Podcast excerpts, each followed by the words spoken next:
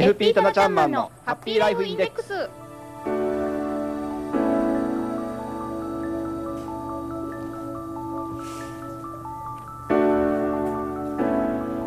タナちゃんマンのハッピーライフインデックス。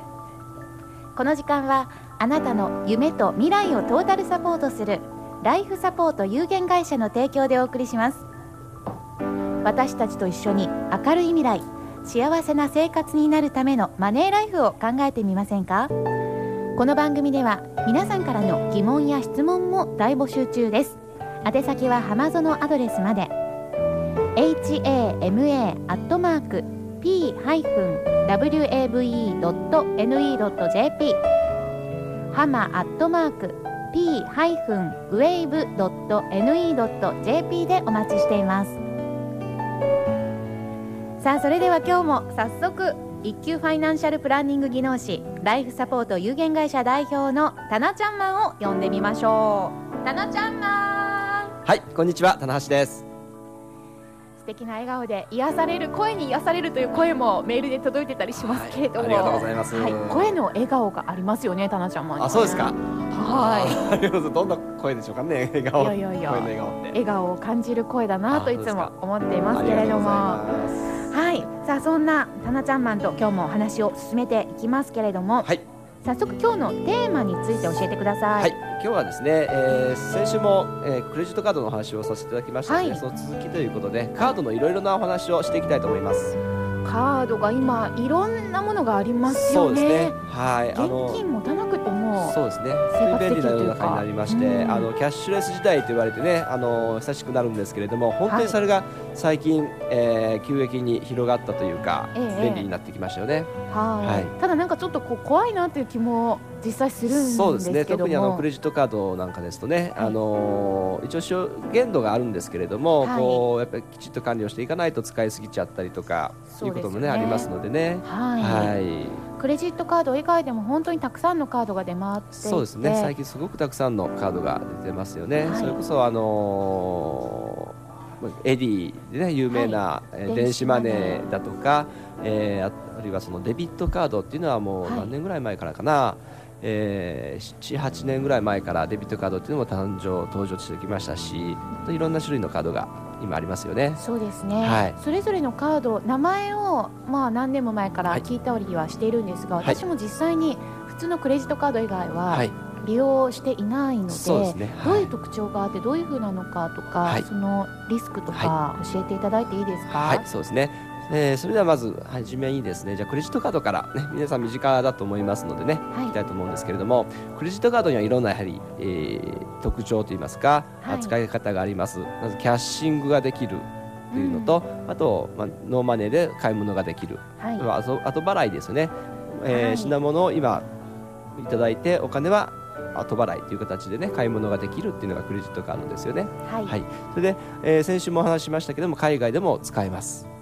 うんあの先週もですねちょっとお伝えするの忘れたんですけれども、はい。あのクレジットカード、えーに日本国内で買い物をするときには例えば一括払いだとか、えー、2回払い3回払いって選べるんですけれども海外で使うとですね、えー自動的に、えーリリボルビング払いに設定をされているというカードもありますのでね、えー海外で使われる前には一度確認をしていただければなと思います。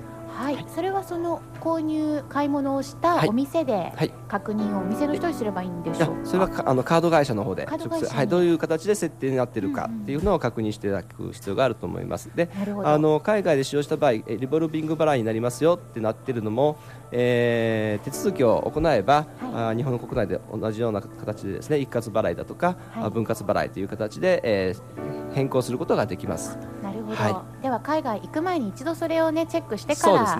使う方がですね。有効ですよね。まあリボルビング払いすごく金額的に払いやすい、えー返済しやすい形になってるんですけれども、はい。利息が結構高いですから、うんえー15%ぐらいのね利息がついちゃいますんでね、えーまあそういったところを確認していただければなというふうに思いますね。なるほど。リボルビング払いというのは、毎月一定の金額をそれは自分で設定をそうですね。5000円とかして。1万円とかですね、はい。はい。設定をしてまあえー返済をしていく形ですよね。はい。はい、同じ金額なので返済はしやすい。そうですね。でも利息がつきますよ。すね。ということなんですね。はい。なるほど。でクレジットカードの、うん使う時の注意点としてはやはりその、まあ、使いすぎですよね、えー今すぐお金がなくても、お買い物ができちゃいますんでね。そうですね。やはりその使いすぎっていうところがねあの一番注意していただかないといけないところなのかなっていうふうに思いますね。はい、わかりました。は自分にも言い聞かせつつお話を聞いていましたけれども、はい。さあその他のカードそうですについても、ね。はい。で、えーその78年前に登場してきたデビットカードですね、デビットカードっていうのは、えー銀行のキャッシュカードそのものなんですよね。それに、えー機能が別のものがついている。ね、えー銀行さんのキャッシュカードに買い物ができるという機能がついたんですね、なるほど。はい、昔ですとそのキャッシュカードでお金を下ろしてこないと買い物できなかったんですけれども、はい。えーお店のレジでそのキャッシュカードを使ってその場で銀行決済ができるという機能がつきました。それをデビットカードというふうに呼んでおります、これはその契約している取引をしている、えー小売店だとか、はい。お店で、はいえーそのまま銀行のカードをそうですね。はい、あの例えばそのショッピングセンターではい。キャッシュカードを出してデビットカードでお願いしますという形で、はそのその場で、えー銀行決済を行って買い物をする形ですね、うん。ですので銀行の口座にそのキャッシュカードのの口座にですね、はい。買い物をしようとする金額以上の残高がないと買い物ができないなですね、るほど。ですので、えークレジットカードのように使いすぎっていうことはありませんので、ね、防げますのでね、はいそういう意味では安全かなというふうに思います。そうですね。はい、ただ注意点としてはですね、はいその場で銀行決済を行いますので、はい銀行が営業している時間はい。でないとお使えないっていうのが欠点ですね。そうなんですね。はい、使える時間が限られちゃうんですね。土はい日祝日は使えないん一応ですね ATM という形でのはい使いますんで大丈夫なんですけれども、はい。それにあの手数料がかかっちゃったりとかその、まあ、時間によっては最近ショッピングセンターもね夜遅くまでやっていますけれどもそう,、いった時間は使えなかったりとかいう制限が出てきてしまうということがあります。なるほど、は時間の制限がありというのそうがですね。注意点の大きな一つですね。すね。はい。はい。さあそしてその他のカードは、はい、その他ですね最近では電子マネーと言われるカードが、はい、あのすごくう使われる方が増えてきてるんじゃないかなと思いますね。はい、はい。これはどういう特徴があるんでしょうか。そうですね。電子マネーはですね言ってみればプリペイドカードのようなものなんですね。お金のプリペイドカードというふうに思っていただければいいと思うんですけれども、はい。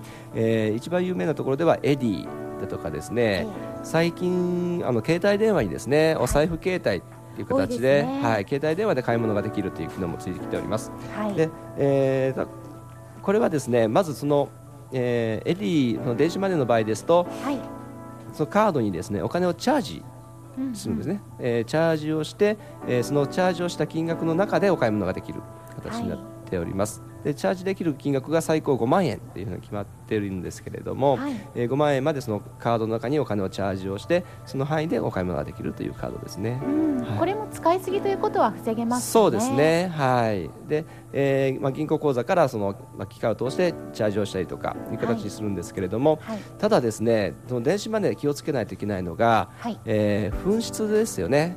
そうですね。紛失した時にはもう一切戻ってこない。あですね。なるほど。はい、あのキャッシュカード、そのデビットカードだとか、はい。クレジットカードの場合、えー紛失、ねそうですね、はい、紛失に気づいたときにはすぐ止めることはできるんですけども、電子マネーは紛失しちゃったら、もうそれが最後、もうお金を落としちゃったのと同じですので気をつけないといけませんね、紛。失に対するリスクっていうのが一番高いですね。はい。これはそのカード会社というものが保証というのは何もないわけ全くないですね。ね。はい。だから現金が、えーカードになって持ち歩いているというふうに思っていただければいいのかなと思うんですけれども、わかりました、では盗難などもこれはされてしまうともう誰でも使えてしまうということですね。ですよね。はい。